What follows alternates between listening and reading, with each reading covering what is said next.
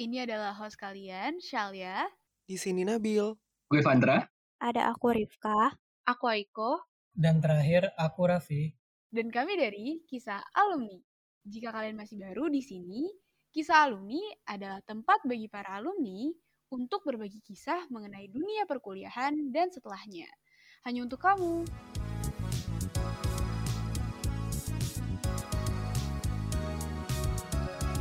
Halo, Shalia di sini. Balik lagi dengan episode baru di Kisah Alumni.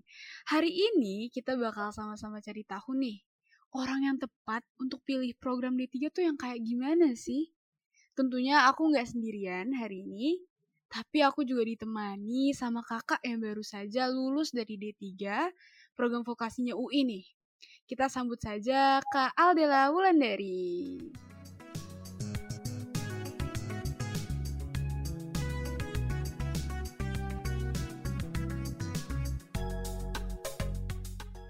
Halo, Kak Del. Halo Salya.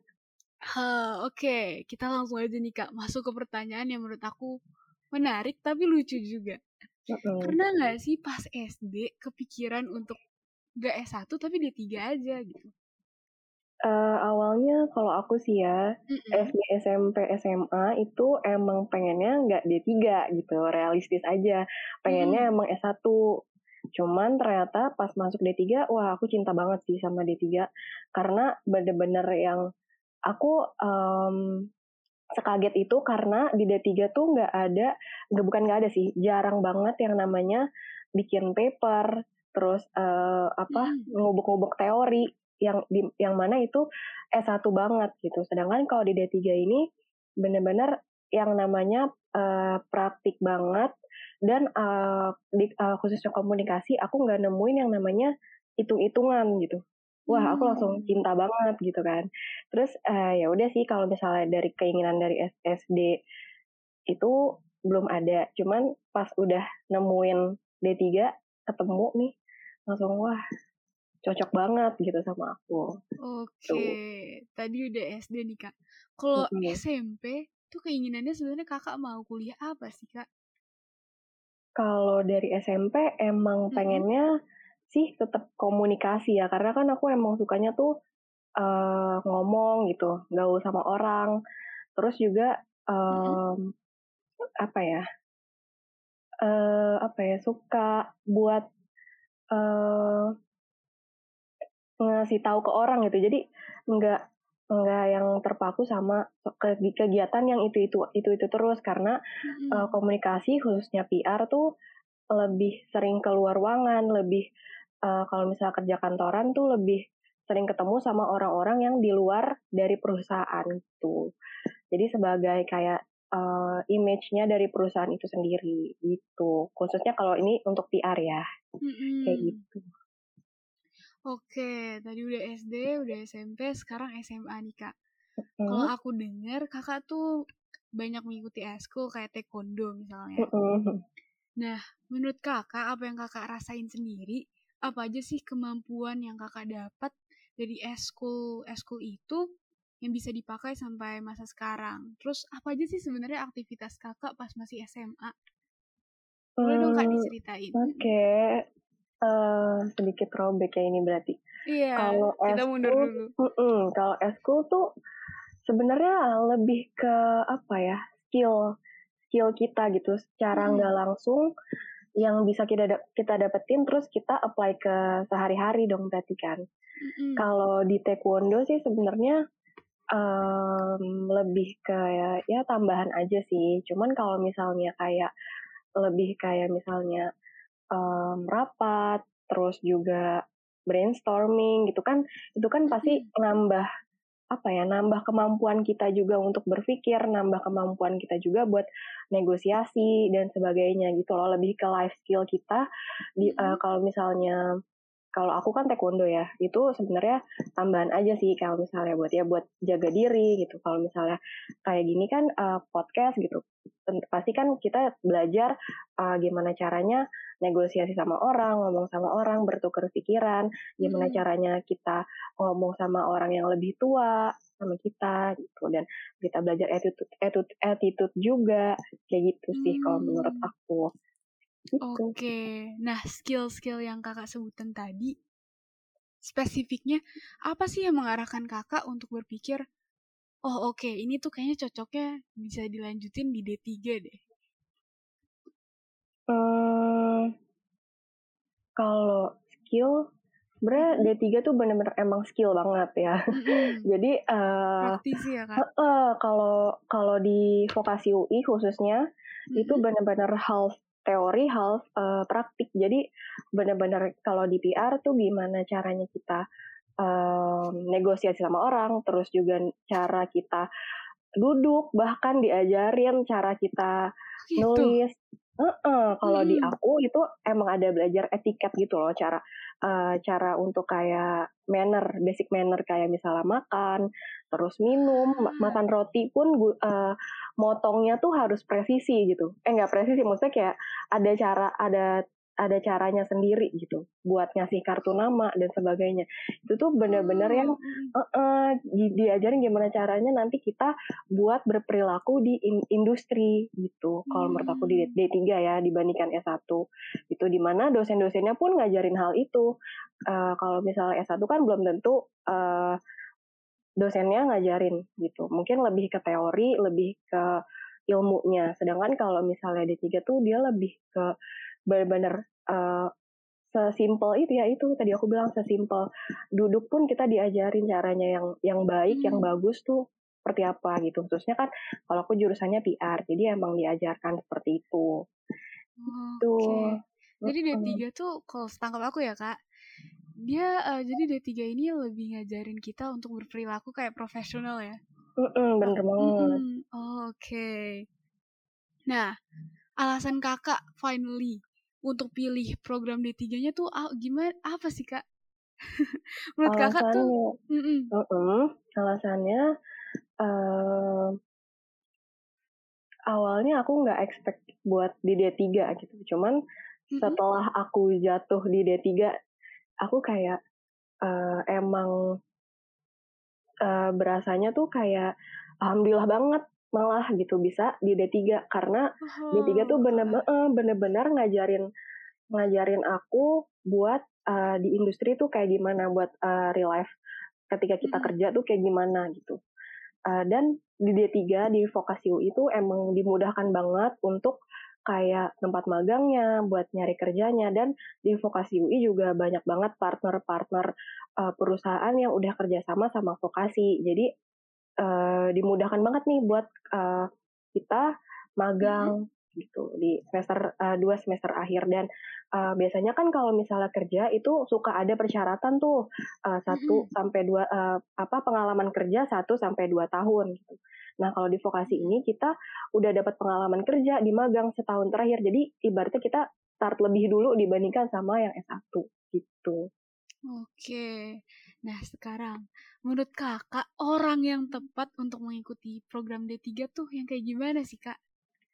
Hmm, kalau menurut aku uh, balik lagi ke preferensi orang-orang masing-masing dan plan orang-orang apa plan orang tersebut karena setiap orang kan pasti punya uh, their own unique journey gitu. Jadi punya yeah. Punya uh, uh, jadi bisa beda-beda ada yang mau milih D1 eh D1 D S1 D3 itu kan balik lagi ke plan mereka masing-masing kalau mereka emang lebih mau ke arah lebih ke cepat kerja tentunya ya pilih D3 tapi kalau milih, mau milih untuk yang ilmunya lebih ke teori, mempelajari hal jadi lebih detail itu S1 gitu. Karena hmm. uh, uh, jadi di D3 juga apa ya, kalau misalnya peng, pinginnya cepat kerja lebih ke D3 gitu. Karena kemungkinan untuk uh, diajukan dari magang ke full time itu lebih besar dibandingkan kita S1 karena kalau di S1 kan pasti kita harus hmm. nyari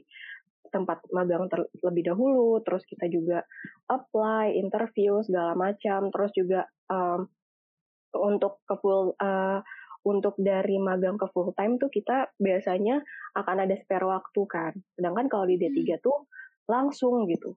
Langsung emang udah ada kurikulumnya uh, terus biasanya uh, uh, apa namanya perusahaan juga lebih prefer mereka yang udah magang, yang udah mereka tahu uh, hmm. di di ke, uh, di kehidupan kerjanya seperti apa, sifatnya seperti apa, karakteristik anaknya seperti apa gitu.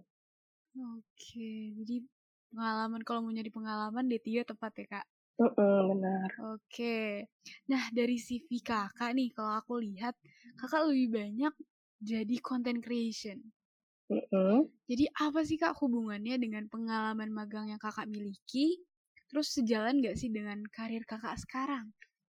Hmm, tentunya sejalan sih tentunya. Mm -hmm. uh, karena sebenarnya setiap hampir setiap uh, apa ya kita tuh pasti bikin konten kan. Misalnya kita post IG aja kita itu kan itu kan termasuk konten gitu. Jadi uh, menurut aku konten tuh udah jadi kayak kehidupan sehari-hari banget sih gitu. Jadi uh, konten itu kan bisa berupa aja, bisa uh, bisa berupa apa aja gitu, bisa berupa artikel, bisa berupa Instagram post, bisa berupa uh, push notification misalnya, terus juga bisa berupa tulisan-tulisan uh, apa pun lah, uh, novel segala macam itu kan termasuk konten creation gitu. Dan menurut aku um, sejalan banget sih uh, sama yang aku magangin gitu karena um, di magang juga aku tentunya ada kakak-kakak senior yang bersedia ngajarin aku juga gitu. Jadi hmm. nggak hmm, perlu takut kalau misalnya di magang tuh kayak kita nggak tahu apa-apa nih, terus tiba-tiba disuruh bikin konten, oh nggak nggak perlu takut kok karena pasti akan diajarin dan gak akan dilepas gitu aja sih. Gitu. Oke. Okay. Nah kalau D3 ini kan kakak lulus saat pandemi ya kak? Iya nggak sih kak? Iya, sedih banget. Nah, gimana tuh kak pengalamannya tentang itu? Kalau yang kemarin kan pembicara kemarin lulusan D3 juga, tapi memang udah bekerja, jadi nggak nggak dapat angkatan COVID nih, kalau bisa kita iya. bilang ya. Nah, kalau kakak pengalamannya gimana nih?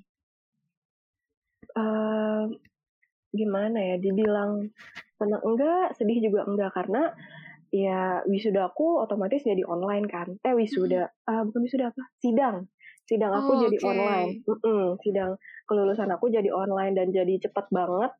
Dan jadinya ya alhamdulillah sih nggak setegang kalau misalnya offline ya. Kalau offline kan pasti kan langsung gitu ketemu. Hmm. terus kayak hmm gimana gimana gitu kan. Kalau di online sih cepat prosesnya lebih cepat. Dan pertanyaannya juga nggak nggak gimana gimana nggak disecer kalau misalnya offline gitu. Cuman ya ada plus minusnya juga sih kalau di kalau aku kan emang magangnya alhamdulillah masih off uh, offline walaupun aku positif. Cuman ya uh, kita apa doakan ya? buat Kadel Semoga terima kasih loh ya, amin. Nah, uh, apa kalau misal offline tuh emang lebih gampang sih buat nanya-nanyanya gitu. Karena sebelum di tempat magangku yang sekarang aku sempat magang full online dan itu agak agak cukup menyulitkan kalau misalnya aku pengen nanya-nanya karena kan agak sungkan gitu ya, di hati kita tuh agak sungkan karena kita belum ketemu secara real life sebelumnya gitu. Sedangkan kalau misalnya di offline kan kayak kita udah kenalan, udah ketemu nih gitu. Jadi kalau misalnya nanya-nanya lebih lebih nggak sungkan dibandingkan kalau full off online gitu. Uh, cuman ya mm-hmm.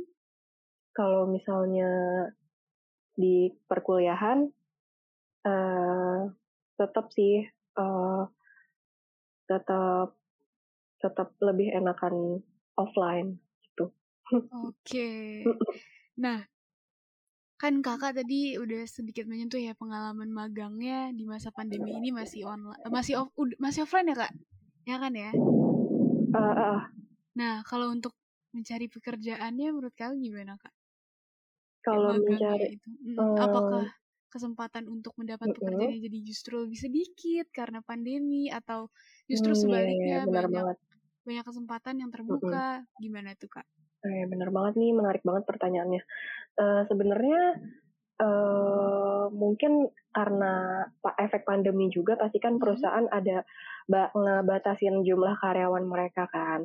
Cuman Iya. nggak nggak menutup kemungkinan kok kalau misalnya uh, pengen magang karena banyak kok yang mereka uh, perusahaan-perusahaan yang ngebuka lowongan untuk magang gitu dan nggak nggak terbatas hanya offline banyak juga yang ngasih full WFH gitu. Teman-temanku juga banyak banget dari mereka yang full WFH dan uh, nyari sendiri alhamdulillah tetap banyak uh, yang keterima gitu.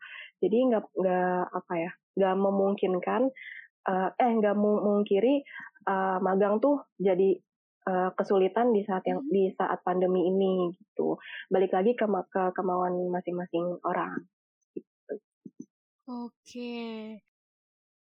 Ya, tapi penasaran kakak nanti uh, rencananya setelah D3 gitu apa aja sih kak? Oh kakak udah lulus ya, tapi maksudnya rencana ke depannya gitu lah. Hmm.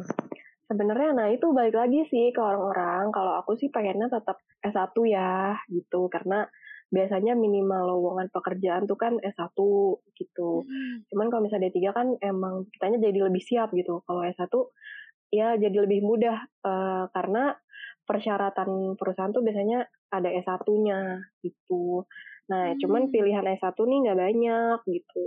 Biasanya lebih ke perguru apa PTS dibandingkan PTN gitu. Jadi ya balik lagi sih ke kalian gitu. Cuman aku rada sedih aja ninggalin ninggalin apa? Ninggalin nama UNIF, ninggalin nama oh. UNIF UNIF UI kan, ninggalin oh, nama UI gitu. gitu.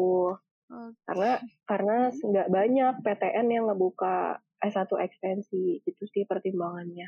Oh gitu, jadi nggak banyak ya kak? Kalau misalnya mm -hmm. dari UI-nya sendiri ada nggak sih kak? Kalau dari UI ada, ada okay, uh, ekstensi tapi ekstensi tapi cuma jurusan manajemen. Terus juga tiga oh. tahun ekstensinya, jadi kayak kayak wow lama juga gitu kan tiga tahun kayak kuliah ulang. Oh tiga tahun ekstensinya nggak uh -uh. bisa setahun atau satu setengah? Oh, nah gitu, kalau di satu tahun atau dua tahun tuh ada, cuman biasanya lebih ke uh, swasta. Kalau PTN tuh jarang banget yang cepet gitu ekstensinya. Oh, gitu. Atau kalau lebih prefer keluar misalnya, cari oh. di di luar negeri atau gimana. Tuh. Kalau ya, UI nggak ada, sedih banget. Terus pilihannya nggak banyak ya kak? Nggak banyak. Paling lebih banyak pilihannya sih di swasta. Kalau di UI nggak ada, sedih banget. Dulu ada, cuman udah ah. ditutup programnya. Oh, oke okay deh udah ke pertanyaan terakhir nih kak. Boleh dong kakak kasih kesan pesan atau apa ya quotes yang menginspirasi menurut kakak untuk teman-teman yang mau masuk D3 hmm, gitu kak. Okay. Boleh banget. Hmm, buat yang mau D3 uh, kalian pilih PPKB aja khususnya uh, vokasi UI pilihnya PPKB karena itu lebih memudahkan banget. Terus juga hmm. kalau misalnya pilih mau pilih D3, baiknya kalian rencanakan dari sekarang, kalian uh, diskusiin juga sama orang tua. Terus juga uh, di plan nih karena D3 kan tetap uh, baik lagi sih ke orang-orang. Biasanya kalau mau D3 itu uh, pastikan ada bisa eh, ekstensi ke S1 juga kan. Nah, itu perlu dibicarain juga sama orang tua gitu. Cuman kalau misalnya D3 itu jadi lebih cepat buat kerja, buat uh, pengalaman di dunia kerjanya itu uh, loncatannya tuh lebih cepat dibandingkan teman-teman yang uh, ngambil S1 gitu. Uh, tapi uh, pertimbangin lagi baik-baik uh, komunikasikan juga sama orang tua, sama diri kalian sendiri, kalian cocoknya di mana, sukanya di mana, gitu. Karena uh, setiap preferensi setiap orang beda-beda, gitu. Oke, tadi udah dikasih tips tuh bahkan sama Kak Adel untuk yang mau masuk D3 UI ya. Oke, makasih banget Kak Adel udah mau ngobrol bareng kita dan berbagi pengalamannya. Iya, sama-sama. Mm kita doakan juga untuk Kak Adel semoga lekas sembuh ya Kak. Terima kasih, Semoga cepat-cepat amin. negatif. Amin, amin, amin. amin. Oke. Nah, untuk teman-teman yang merasa podcast ini bermanfaat, boleh nih di-share ke sosial media kalian, supaya nggak cuma kamu yang dapat manfaatnya, tapi yang lain juga bisa. Dan yang mau kepoin Instagram atau Twitter kita, boleh banget cek di @kisah_alumni karena kita bakal selalu update tentang podcast-podcast berikutnya. Itu aja bincang-bincang hari ini dari Kisah Alumni. Aku Shalia dan bersama Kak Adel, kami pamit undur Ya. diri. Dadah. Terima Sampai kasih. jumpa. Makasih Kak Adel. Sama-sama.